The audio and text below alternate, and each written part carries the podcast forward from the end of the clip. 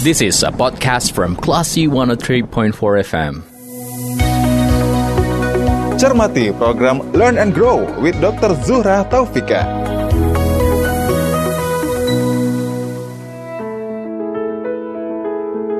Dari Bumi Karang Putih Darung Padang, Point for Classy FM, this is the actual radio. Assalamualaikum, apa kabar Classy People? Semoga selalu dalam keadaan yang sehat ya. Sama-sama kita menjaga kesehatan dan selalu patuh terhadap protokol kesehatan.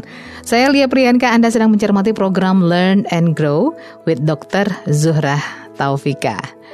Nah, Classy People, uh, di Learn and Grow kita salah satu uh, poin yang kita soroti adalah mengenai masalah tumbuh, tumbuh kembang anak. Nah, fase tumbuh dan kembang anak ini wajib menjadi perhatian orang tua, terutama bagi anak-anak yang usianya di bawah 2 tahun nih. Di program kali ini, kita akan mengangkat topik mengenal perbedaan tumbuh dan kembang anak. Nah, untuk Anda yang punya anak, yang sedang mengasuh anak-anaknya, sedang mengawasi tumbuh kembangnya, wajib nih untuk dengerin kita. Sebetulnya tumbuh dan kembang itu samakah? Ada perbedaankah? Kapan masa emas tumbuh kembang anak kita? Kita akan ngobrolin ini bersama dengan Dr. Zura Taufika.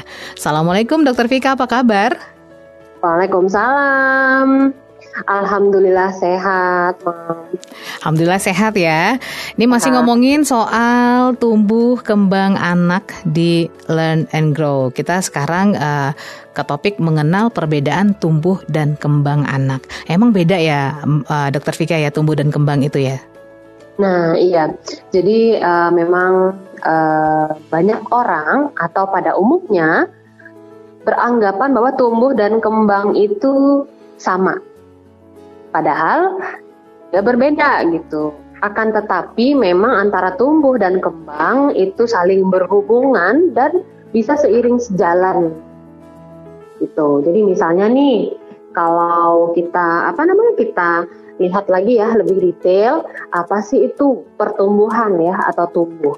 Nah, pertumbuhan itu adalah perubahan dalam ukuran fisik dan struktur tubuh yang dapat diukur. Misalnya nih, anak bertambah berat badannya atau anak berkurang um, berat badannya atau bertambah tinggi dan panjang badan mm -hmm. atau lingkar kepala. Nah, hal-hal tersebut itu kan berupa perubahan ukuran seseorang ya, terutama anak gitu, yang bisa kita ukur kita ukur berat badannya, kita timbang misalnya atau kita ukur tinggi badannya, kita ukur lingkar kepalanya. Nah, hal-hal tersebut kita sebut sebagai pertumbuhan.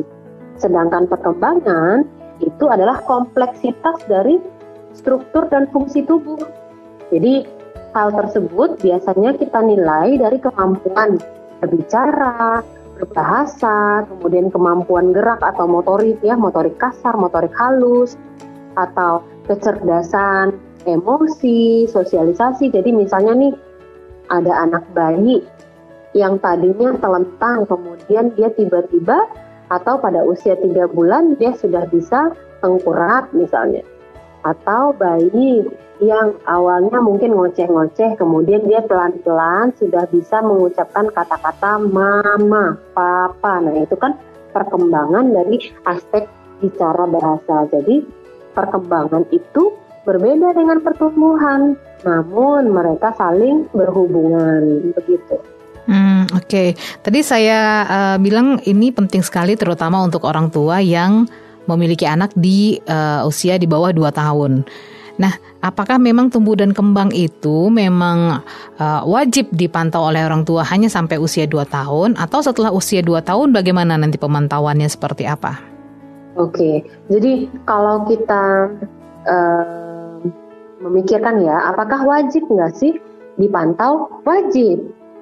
Nah, namun sampai usia berapa gitu ya? Mm-hmm. Lalu apa kaitannya dengan dua tahun? Nah, jadi dua tahun pertama itu disebut sebagai golden period atau periode emas. Artinya di masa tersebut uh, berlangsung suatu percepatan dalam hal tumbuh kembang anak Jadi kecepatan tumbuh dan kembang anak pada usia 2 tahun pertama atau 1000 hari pertama yaitu sejak bertemunya sel telur dan sel uh, sperma di dalam kandungan sampai anak genap berusia 2 tahun itu adalah masa-masa yang sangat krusial atau masa-masa yang sangat kritis. Makanya dua tahun pertama itu sangat penting sekali. Nah, contohnya nih, ketika uh, setahun pertama orang tua itu dianjurkan menimbang setiap bulan tapi di atas usia setahun misalnya ya menuju 1 sampai 3 tahun itu boleh menimbang misalnya per dua bulan. Tapi gimana kalau misalnya di atas itu ya bisa lah misalnya per tiga bulan atau per enam bulan artinya uh, pemantauan pertumbuhan itu akan lebih um, ketat ya atau akan lebih uh, baik kita lakukan secara teratur dan disiplin di masa-masa emas pertumbuhan dan perkembangan tersebut. Kalau misalnya lalai di sana, itu akan berakibat hal buruk nanti di masa depan anak. Contohnya, duh nggak diukur-ukur nih uh, tinggi badan atau panjang badan anak, tiba-tiba ya anak stunting. Padahal anak stunting itu tidak pernah terjadi tiba-tiba. Pasti dia sudah berlangsung secara bertahap, perlahan, sampai pada akhirnya tinggi badannya bermasalah, begitu. Jadi nggak ada sih yang tiba-tiba semuanya itu ada proses, hanya saja prosesnya seperti apa, berapa lama, nah itu tergantung nanti pada kasusnya. Nah, sampai kapan kita cek tumbuh kembang anak? Kalau berdasarkan kuesioner pra-screening perkembangan anak, itu biasanya kita pantau sampai usia kurang lebih 72 bulan atau enam tahun. Tetapi nanti kan itu setiap umur itu punya tahapan tertentu. Hmm. Jadi anak setelah itu ya setelah enam tahun kita tetap pantau juga perkembangannya, tapi mungkin dalam hal yang lain. Kalau misalnya nih uh, mungkin orang tua di rumah bisa menginstal ya aplikasi Primaku di Play Store atau App Store. Nah, di situ nanti orang tua bisa secara mandiri memantau pertumbuhan dan perkembangan anak. Apakah itu oh pertumbuhan anak misalnya e, berat badannya normal nih atau berat badannya kurang atau tinggi badannya normal. Eh, tinggi badannya stunting misalnya. Nah, dari situ mungkin bisa kita pantau dan tidak tiba-tiba juga mengatakan bahwa ujuk-ujuk tiba-tiba stunting tidak. Stunting itu kan terkait dengan masalah gizi yang berlangsung dalam jangka waktu yang cukup lama. Jadi dengan seorang uh, ibu ya atau orang tua nih rutin dia menimbang berat badan setiap bulan. Dari situ kita akan nampak bentuk grafiknya seperti apa. Oh, ternyata bertambah berat badannya tiap bulan, tapi pertambahannya itu tidak memenuhi syarat atau tidak sesuai dengan target. Nah, itu dinamakan grow faltering. Kalau lama-lama lama-lama keadaan tersebut terjadi. Nah, itulah nanti yang akan berisiko terhadap kejadian stunting misalnya. Jadi nggak tiba-tiba. Nah, kalau orang tua bisa memantau itu, nah itu akan menjadi poin yang sangat uh, bermanfaat bagi masa depan anak. Begitu juga dengan tahap perkembangan. Jadi di aplikasi tersebut nanti orang tua bisa menilai, oh usia segini nih misalnya 0 sampai 3 bulan. Gerak kasarnya gimana sih? Gerak halusnya seperti apa? Misalnya motorik kasarnya, oh bayi usia 3 bulan sudah bisa mengangkat kepala setinggi 45 derajat, lalu menggerakkan kepalanya dari kiri kanan ke tengah misalnya. Atau di aspek bicara bahasa misalnya, dia udah bereaksi terhadap suara atau bunyi. Jadi ketika anak bayi ya dipanggil atau kita sapa, kemudian tidak menengok, nah mungkin saja apakah anak punya masalah pendengaran atau anak punya masalah lainnya yang jelas dari hal tersebut orang tua bisa berpikir ke arah aduh jangan-jangan anak saya punya masalah perkembangan gitu. Oke, okay. kalau misalnya tadi dicontohkan tadi uh, Dokter Vika bilang ada salah satu aplikasi Primaku yang membantu para orang tua untuk memantau tumbuh kembang anak nih misalnya. Nah di ya. aplikasi itu kan biasanya kita bisa cek ya usia satu bulan misalnya dia dia udah bisa apa aja, usia uh, satu tahun uh, ini jenis kepandaian yang harusnya dia sudah punya baik itu motorik kasar ataupun halus misalnya gitu. Nah um, dari daftar yang terdapat di situ berapa persen atau berapa banyak anak harus punya uh, sehingga itu bisa dikatakan tumbuh kembangnya normal uh, dan berapa persen orang tua itu mulai aware nih oh kayaknya anak saya dari 10 poin tuh cuma tiga yang dia bisa. Tujuh lagi berarti enggak. Nah ini kategorinya gimana misalnya gitu. Itu seperti apa menilainya dokter? Nah, nanti orang tua mungkin bisa masuk uh, ke aplikasi tersebut, lalu klik bagian usia anak. Nanti akan ada keluar 9 atau 10 pertanyaan. Jadi memang per tahap usia tersebut, per kelompok usia tersebut, jumlah pertanyaannya berbeda-beda. Mm -hmm. Nah, nanti kita tinggal jawab tuh Misalnya ketika usia tiga bulan, apakah dia sudah bisa mengangkat iya. kepala yeah. sekian gitu? Mm -hmm. Kalau belum kita jawab tidak, kalau sudah kita jawab ya. Nanti dari jumlah ya dan tidak tersebut, misalnya 9 atau 10, maka berarti anak uh, perkembangannya sesuai misalnya. Mm -hmm. Atau 8 uh, misalnya itu bisa dianggap meragukan. Nanti keluar sendiri uh, skor mm. keluar nanti berupa uh, nilai apakah perkembangan anak sesuai dengan usianya atau hmm. meragukan atau ada gangguan. Nah, ketika misalnya orang tua mendapati nilai meragukan, sebaiknya segera bawa anak ke dokter tumbuh konsultan tumbuh kembang anak untuk dinilai lebih detail karena bagaimanapun aplikasi ini kan semacam screening awal ya. Iya, yeah, iya. Yeah. Nah, untuk lengkapnya tentu kadang-kadang kan kita sulit juga menginterpretasikan kan. Misalnya nih pada usia berapa misalnya satu setengah bulan. Mm-hmm. Nah satu setengah bulan itu kadang dia uh, di kemampuan sosialisasi dan kemandirian menunjuk apa yang diinginkan tanpa menangis atau merengek, mm-hmm. mengeluarkan suara yang menyenangkan, memperlihatkan rasa cemburu dan bersaing. Kadang-kadang kan kita susah ya untuk yeah. menilai itu ya. Mm-hmm. Atau Gerak halusnya menyusun dua atau tiga kubus lalu memasukkannya ke dalam kotak. Siapa tahu ketika kita mengajak anak melakukan itu dia nggak mau gitu kan -hmm. atau tidak lagi dalam keadaan mood sehingga kita beranggapan mungkin oh dia tidak mau seperti itu mm -hmm. atau oh dia tidak bisa. Artinya hal-hal yang mungkin sekiranya kita uh, kurang representatif ya atau kurang tepat dalam melakukan penilaian secara mandiri sebagai orang tua di rumah itu juga bisa dijadikan sebagai motivasi untuk segera melakukan deteksi dini uh, tumbuh kembang anak. Semakin dini uh, kita deteksi, seandainya ada masalah, itu penanganannya pun akan lebih cepat dan hasilnya pun akan lebih baik. Bahkan kadang-kadang hmm, tidak perlu sampai terapi, cukup dengan latihan di rumah. Contoh, anaknya harusnya sudah bisa ya memanggil kata papa, mama gitu ya. Ternyata belum. Ya bisa jadi mungkin selama ini di rumah orang tuanya jarang menggunakan kata itu gitu. Mm-hmm. Artinya ketika anak tidak mengenali sesuatu kata-kata atau ada input yang kurang kepada mereka, tentu mereka tidak bisa mengeluarkan kata-kata tersebut sebagai suatu hal yang uh, rutin mereka ucapkan.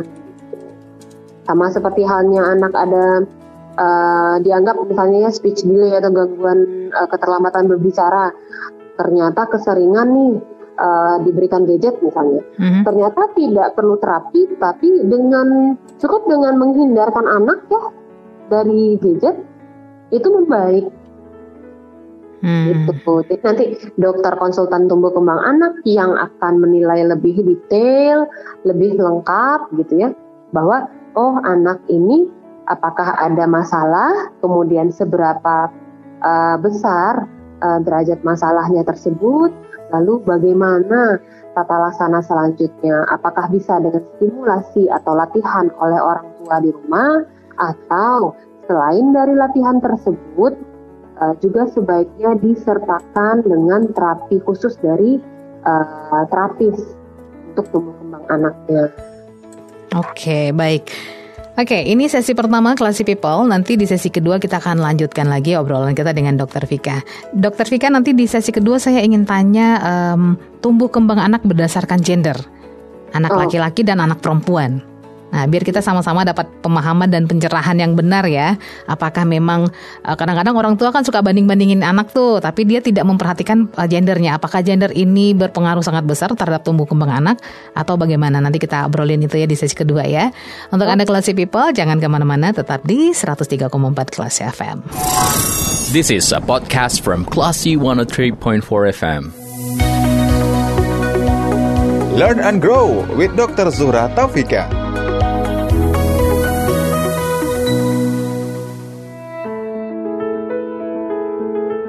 Empat kelas FM, this is the actual radio Classy People di sesi kedua program Learn and Grow with Dr. Zuhra Taufika. Ada saya Lia yang akan uh, ngobrol dengan Dr. Zuhra Taufika. Topik kita adalah mengenal perbedaan tumbuh dan kembang anak. Tadi sebelum jeda saya uh, bertanya ke Dokter Vika, bagaimana pengaruh gender terhadap tumbuh kembang anak? Seperti apa penjelasannya Dokter Vika? Oke, kalau sepanjang pengetahuan saya ya, artinya uh, secara umum tidak berbeda atau uh, tidak terdapat uh, klasifikasi ya um, pembedaan antara gender, baik laki-laki ataupun perempuan, misalnya, oh laki-laki nih lebih cepat jalan nih umur segini gitu ya. Kalau berdasarkan kuesioner pra-screening perkembangan anak, kita membandingkan tahap perkembangan tersebut berdasarkan umur, bukan uh, jenis gender. Mm -hmm. Jadi baik laki-laki ataupun perempuan uh, untuk penilaian terhadap uh, motorik halus, motorik kasar, bicara bahasa, serta sosial dan kemandirian itu sama. Hmm, Oke, okay. um, kalau kita lihat di uh, apa ya uh, itu sering seliweran itu di Instagram uh, saya lihat ya misalnya um, berat badan bayi laki-laki usia 1 sampai 12 bulan misalnya. Terus ada juga pengelompokan berat badan oh, uh, bayi perempuan 1 sampai 12 bulan misalnya ya. gitu. Nah, itu tuh seperti apa ya itu, Dokter? Jadi, kalau berat badan berarti kita aspeknya pertumbuhan ya. Yeah. Nah, artinya kalau tadi kita bicara soal perkembangan itu pembedanya uh, kita nilai dari faktor usia. Mm-hmm. Sementara kalau untuk pertumbuhan itu gender sangat berpengaruh. Itu artinya mm-hmm. memang mhm. artinya jangan sampai uh, anaknya perempuan kemudian dimasukkan datanya ke grafik laki-laki. Yeah, nah, yeah. itu tentu tidak uh, tidak bisa, tidak tepat dilakukan seperti itu. Nah, kenapa berbeda? Karena antara lelaki dengan perempuan distribusi dari masa otot itu berbeda. Kemudian juga um, proporsi ya, proporsi dari ototnya berbeda dengan uh, perempuan seperti itu. Itu salah satunya. Sehingga pada grafik pertumbuhan, baik itu grafik berat badan menurut umur, tinggi badan menurut umur, serta lingkar kepala menurut umur ya itu ada dua warna. Biasanya warna biru untuk laki-laki warna pink untuk perempuan, perempuan. Hmm, nah, hmm. sehingga untuk tabel pun jadi namanya tabel antropometri ya uh, berbeda antara laki-laki dan perempuan. Jadi pada orang tua memang dipesankan sekali bahwa jangan sekali-sekali membandingkan uh, dua anak dengan usia sama ya bahkan kembar tetapi dia berbeda gender gitu mm-hmm ya itu itu mempengaruhi. Jadi kalau untuk pertumbuhan iya mempengaruhi. Sementara untuk perkembangannya tidak ya, uh, lebih ke umur ya. Faktor usia. Oke baik. Nah, uh, Dokter Vika, uh, ya. Benarkah pijat bayi ini baik untuk tumbuh kembang anak? Oke, apakah pijat bayi itu berpengaruh ya? Mm -hmm. Ya, katakan sih berpengaruh. Sebetulnya kan pijat itu um, suatu stimulasi ya atau latihan. Jadi kita memberikan rangsangan kepada bayi misalnya ya yang akan berpengaruh. Sebetulnya bayi ataupun anak itu kan responsif terhadap rangsangan. Nah, kecerdasan anak itu bermula dari aspek sensorik dan motorik. Mm -hmm. Nah, kita misalnya bayi dipijit. Bayi dipijit berarti kan dia merasakan suatu stimulus sensorik ya, rabaan misalnya. Kemudian ketika dia dipijit itu kan tidak hanya menyentuh meraba, tetapi juga ada tekanan-tekanan ya. Mm -hmm. Nah, ketika itu pertama ya aspek sensoriknya akan distimulasi atau dilatih. Artinya anak merasakan, aduh ini rabaan, ini sentuhan. Derajat penekanan itu merupakan suatu stimulasi sensorik kepada anak yang berdasarkan piramida pembelajaran itu adalah dasar kecerdasan anak nanti di masa depan. Nah, itu satu. Yang kedua, ketika anak dipijat, mungkin mereka akan menjadi lebih rileks secara psikologis. Mm-hmm. Kemudian titik-titik tertentu juga tentu bisa mem- apa, melancarkan peredaran darah, kemudian membuat anak nanti menjadi tidur nyenyak.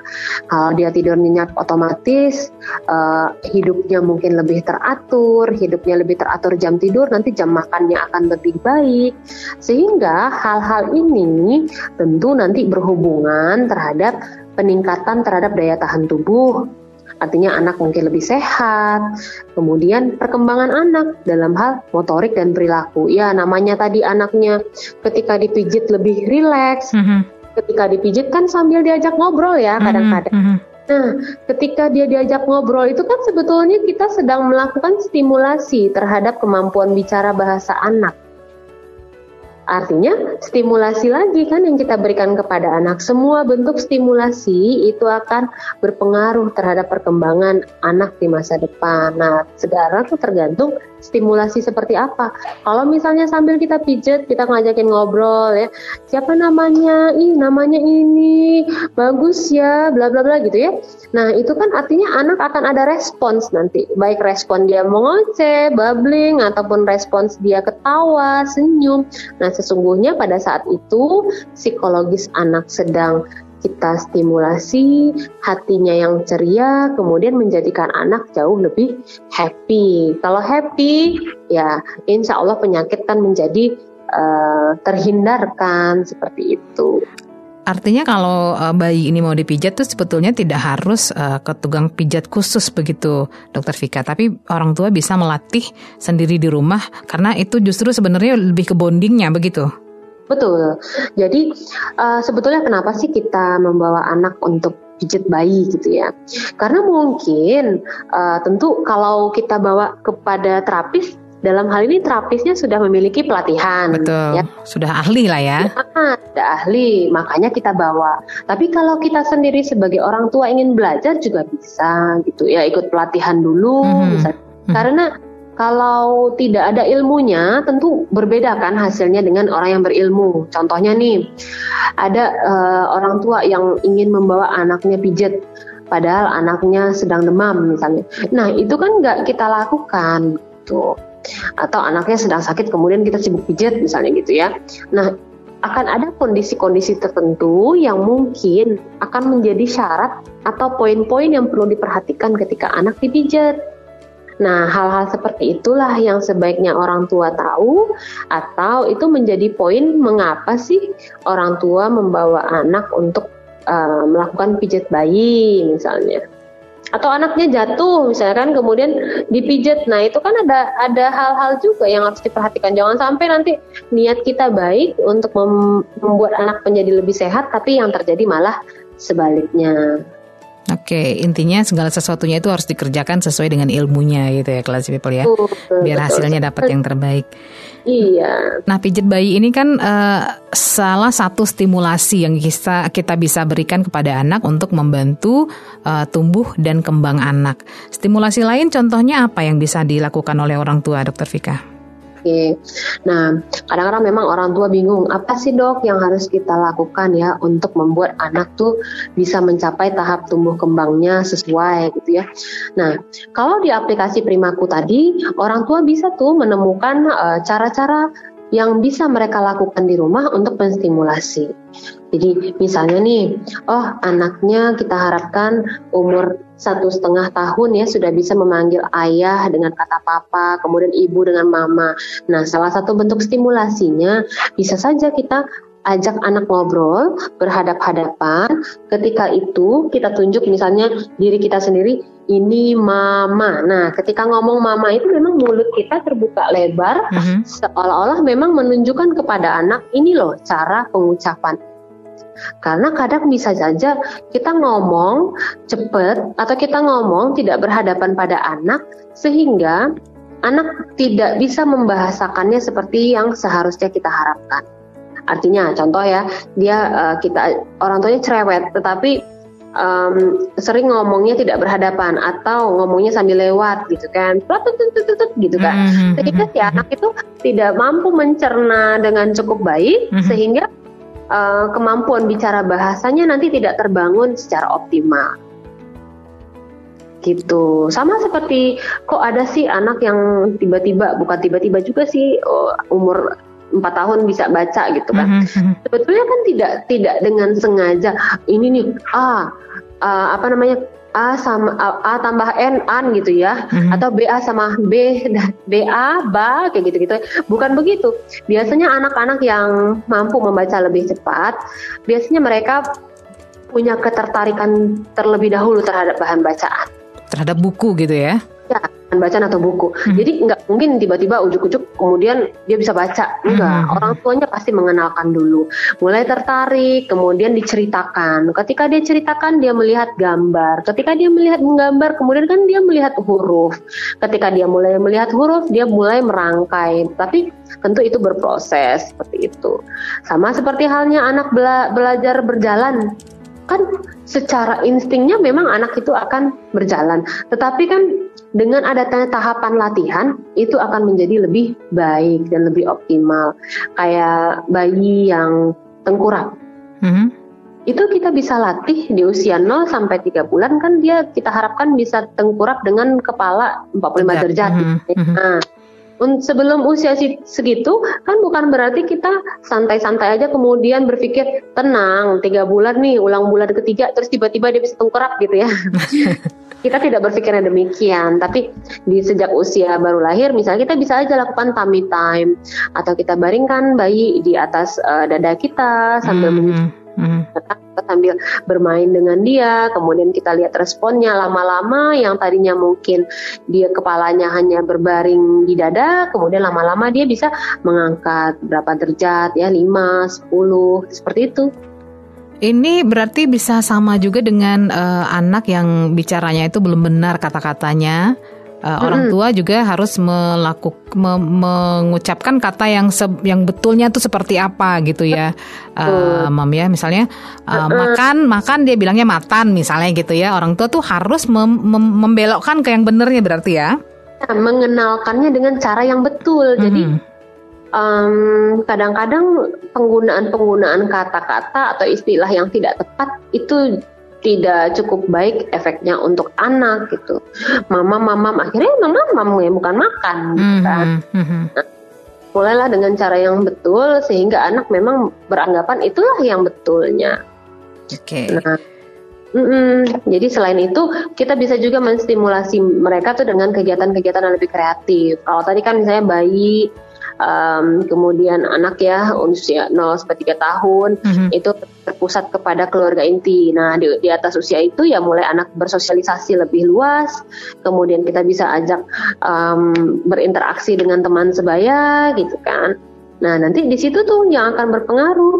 Oh, ternyata kalau kita ajak anak seperti ini, uh, misalnya nih belajar menggunting atau menggambar gitu ya, mereka kan akan lebih tertarik kalau bersama-sama. Iya, iya. Em, bagaimana kalau anak itu melewatkan salah satu tahapan tumbuh kembangnya, Dokter Vika? Misalnya ada contohnya anak itu dia tidak merangkak tapi langsung berdiri misalnya begitu. Nah, biasanya sih ada uh, efeknya nanti ya. Akan tetapi seberapa berefek atau apa saja efeknya, mungkin nanti bisa orang tua melakukan konsultasi lebih jelas dengan dokter konsultan tumbuh kembang anak. Karena kadang-kadang itu jadi seperti pencapaian justru bagi orang tua gitu. Wah anak Iya. saya tuh udah bisa langsung berdiri dia nggak ngerangkak loh, malah bangga misalnya gitu. Ya, padahal em, fase merangkak itu penting. Mhm. Nah, itu sangat penting karena ketika merangkak itu kan pengaturan koordinasi kiri dan kanannya terbangun dengan baik.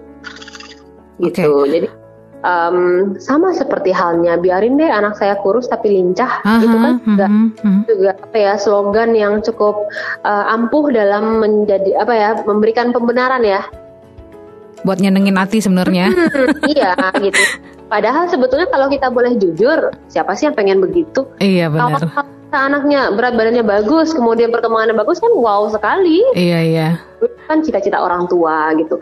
Nah justru kalau saya pribadi menghimbau biasanya pada orang tua bahwa kita pahami dulu yang harusnya seperti apa.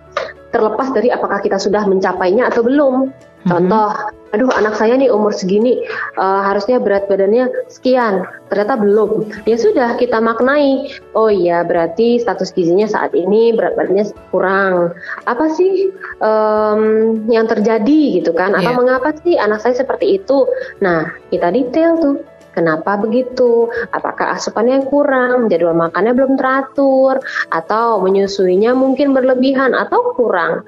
Jadi hal-hal itu kita justru jadikan sebagai poin-poin yang perlu dievaluasi, kemudian barulah nanti kita lakukan tindakan-tindakan yang bisa menjadi uh, solusi gitu dalam tumbuh kembang anak ini kan biasanya ada ada masa apa ya apa istilah kalau istilah medisnya sih kurang tahu nih. Kita anggap aja istilahnya masa toleransi misalnya. Misalnya anak bisa berdiri harus bisa jalan itu uh, maksimal sampai umur 18 bulan. Kalau setelah itu baru red alert misalnya gitu. Nah itu itu benar nggak dokter? Nah jadi itu tadi gunanya uh, eh, KPSP tadi yang ada di aplikasi itu. Jadi uh, ketika misalnya poin-poin yang seharusnya tercapai kemudian belum tercapai, itulah yang menjadi poin penilaian apakah oh iya tahap perkembangan anak Anda sesuai dengan usia. Aduh, ternyata tahap perkembangan anak Anda meragukan. Nah, jadi memang kita kalau bisa jangan sampai ada gangguan, kita tentu mencegah. Tapi kalau terlanjur ada gangguan, tentu kita lakukan terapi. Tapi di titik mana pun ditemukan tetap usahanya wajib gitu loh. Hmm. Apakah mungkin ada lebih dari satu terapi yang diberikan oleh kepada anak untuk mengejar tumbuh kembangnya, Dok? Ya, bisa. Contohnya nih anak yang berbicara ya, ada hmm. gangguan bicara Mm-hmm. Anak yang gangguan bicara itu mungkin, mungkin ya, mungkin memang selama ini dia tidak dikenalkan dengan kata-kata tersebut atau dengan huruf tersebut gitu kan, sehingga apa yang mau dia munculkan perkataan. Nah, biasanya untuk anak seperti itu tentu dia harus dipaparkan dulu. Nah, bagaimana cara memaparkannya? Dia masuk ke terapi sensori integrasi dulu, misalnya dipaparkan dengan kata-kata tertentu gitu. Jadi setelah itu nanti baru dia naik level lagi berdasarkan yang uh, kita sebutnya sebagai piramida pembelajaran ya. Mm-hmm. Jadi bagaimana dia bisa melangkah ke level yang lebih tinggi kalau kelas dasarnya dia belum capai. Pijakan dasarnya tuh harus benar dulu ya. Hmm, misalnya nih kayak anak makan, kok bisa sih uh, anaknya nggak mau makan? Mm-hmm. Kita lagi, apakah dulu waktu dia awal-awal tuh dia dikenalin nggak sama rasa? Atau rasa apa yang dominan dia dia tahu dia pahami? Kalau dia makannya itu ke itu aja tentu ada kemungkinan anak cenderungnya terhadap itu itu aja. Hmm. jadi kembali kepada basicnya apa? Sensorik uh, motoriknya gitu. Jadi jangan sampai uh, ya sama lah ya kayak kita belajar matematika masa mau khatam persamaan kuadrat sementara kali bagi tambah kurang belum, belum. pasti kan nah malah nggak hafal perkalian misalnya gitu ya ah, Ah, iya, jadi itu nggak um, bisa di, diperlakukan seperti itu gitu loh.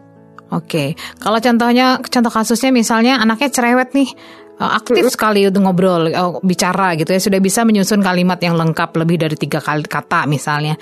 Tapi um, kata-kata yang dikeluarkan itu uh, belum benar, cadel kalau istilahnya kita. Itu termasuk uh, uh, uh, gangguan dalam tahap tumbuh kembang nggak dokter? Uh, mungkin bisa kita cek juga nanti artikulasinya. Uh-huh. Kenapa sih anaknya cadel gitu? Uh-huh. Bisa, bisa juga. Memang ada masalah perkembangan, tetapi apa jenis masalahnya? Oke. Okay. Gitu. Oke, jadi memang aware dulu. Setelah itu uh, konsultasi lebih lanjut untuk bisa menilai uh, sejauh mana intervensi harus dilakukan gitu ya? Betul. Jadi kalau prinsip saya ketika kita tidak mengetahui sesuatu, alangkah lebih baiknya kita bertanya kepada yang lebih tahu. Nah, dalam hal ini, uh, kepedulian atau kewaspadaan orang tua dalam menilai ada masalah atau tidak ada masalah terhadap tumbuh kembang anak itu menjadi poin penting dalam mewujudkan tumbuh kembang anak optimal. Oke, kalau misalnya anak Anda uh, tidak diasuh sehari-hari oleh Anda nih classy people, berarti uh, Anda harus lebih ini ya, harus lebih intens ngobrol dengan orang yang mengasuh anak Anda sehari-harinya gitu ya, dokter ya? Betul. Jadi sebetulnya kan tanggung jawab anak bagaimanapun ada pada orang tua ya. Mm -hmm. Nah, masalah nanti orang tua bekerja atau tidak itu kan berarti delegasi lagi. Mm -hmm. Nah, ketika kita mendelegasikan tentu kita berharapnya bagaimana uh, caranya supaya apa yang kita delegasikan itu mencapai hasil yang sama seandainya kita melakukan sendiri. Oke, okay. jadi kalaupun memang bekerja, orang tua carilah waktu waktu lain untuk bisa uh, intens ngobrol dengan si pengasuh atau memperhatikan sendiri ketika anak berada di tangan dia gitu ya. Betul, minimal uh, orang tua bawa anaknya timbang berat badan sekali sebulan. Mm -hmm. Lalu gunakan aplikasi Primaku untuk mendeteksi sendiri gitu kan? Oke. Okay. Baik, kita break lagi Dokter Vika untuk uh, sesi yang kedua ini kita cukupkan sampai di sini. Nanti di sesi ketiga Classy People kita akan lanjut ngobrol bersama dengan Dokter Vika mengenai mengenal perbedaan tumbuh dan kembang anak. Tetap di 103,4 Classy FM. This is a podcast from Classy 103.4 FM. Learn and grow with Dr. Zuhra Taufika.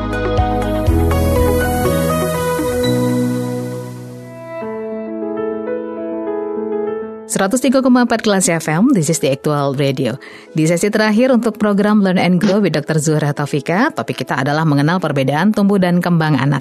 Jangan lupa kelas people, Anda bisa mencermati radio kelas FM uh, tidak hanya melalui frekuensi 103,4 FM, tapi juga bisa melalui aplikasi di uh, aplikasi dan streaming ya. Untuk aplikasi Anda bisa download terlebih dahulu di Play Store dan juga di App Store. Silahkan ketik kata kuncinya adalah Classy FM. Nanti Anda bisa uh, install dan bisa mencermati Radio Kelas FM di mana saja Anda berada atau silahkan streaming via www.kelasfm.co.id. Selain itu Classy People Anda juga bisa mencermati obrolan saya dengan Dr. Vika melalui podcast yang kami uh, sudah simpankan di uh, alamat yang tadi saya sebutkan ya. Anda bisa pilih obrolan yang mana yang ingin Anda dengarkan termasuk obrolan saya hari ini mengenai mengenal perbedaan tumbuh dan kembang anak. Dokter Vika ini adalah sesi ketiga sekaligus sesi terakhir untuk kita ngobrol hari ini. Eh, saya ingin langsung ke tips nih, tips untuk para orang tua yang sedang mendengarkan kita agar tumbuh kembang anak mereka optimal. Silakan dok. Oke, jadi uh, mungkin saya menghimbau ya kepada seluruh orang tua bahwa kita sebagai orang tua punya tanggung jawab penuh dalam mengupayakan uh, tumbuh kembang anak secara optimal. Jadi mari kita bekali diri kita dengan pengetahuan yang cukup banyak, bahkan sejak sebelum anak lahir. Karena apa? Karena tumbuh kembang anak saat ini itu akan berpengaruh terhadap masa depan mereka nanti. Jadi jangan sampai kita lalai, entah itu karena banyak hal, kesibukan dan lain-lain. Padahal hal itu menjadi tanggung jawab penuh kita. Kalaupun kita mendelegasikan proses pengasuhan, kita harus tetap waspada akan tumbuh kembang anak kita sendiri. Karena tumbuh kembang ini tidak bisa terulang ya dokter Vika ya, itu yang harus kita iya, garis bawah ya. Iya. Jangan sampai uh, sesuatu yang harusnya kita bisa maksimalkan jadi tidak termaksimalkan karena faktor kelalaian kita sebagai orang tua. Oh, jangan sampai ya classy people ya. Baiklah, semoga apa uh, apa yang menjadi perbincangan untuk hari ini bersama Dokter Vika uh, bermanfaat untuk Anda seperti topik-topik sebelumnya Mudah-mudahan juga bisa langsung Anda aplikasikan untuk tumbuh kembang anak yang lebih baik lagi. Dan jangan lupa untuk selalu mencermati program Learn and Grow with Dr. Zura Taufika setiap hari Selasa jam 7 hingga ke jam 8 pagi. Dan akan diputar ulang Classy People jam 7 hingga ke jam 8 malam di hari yang sama hari Selasa. Dr. Vika terima kasih banyak untuk obrolannya, untuk penjelasannya juga. Mudah-mudahan yang terbaik untuk Classy People yang mencermati kita. Amin. Sehat selalu dok. Assalamualaikum. Oke, waalaikumsalam. Baiklah si people, saya dan Dokter Vika pamit. Assalamualaikum and then see you. Anda baru saja mencermati program Learn and Grow with Dr. Surah Taufika. This is a podcast from Classy 103.4 FM.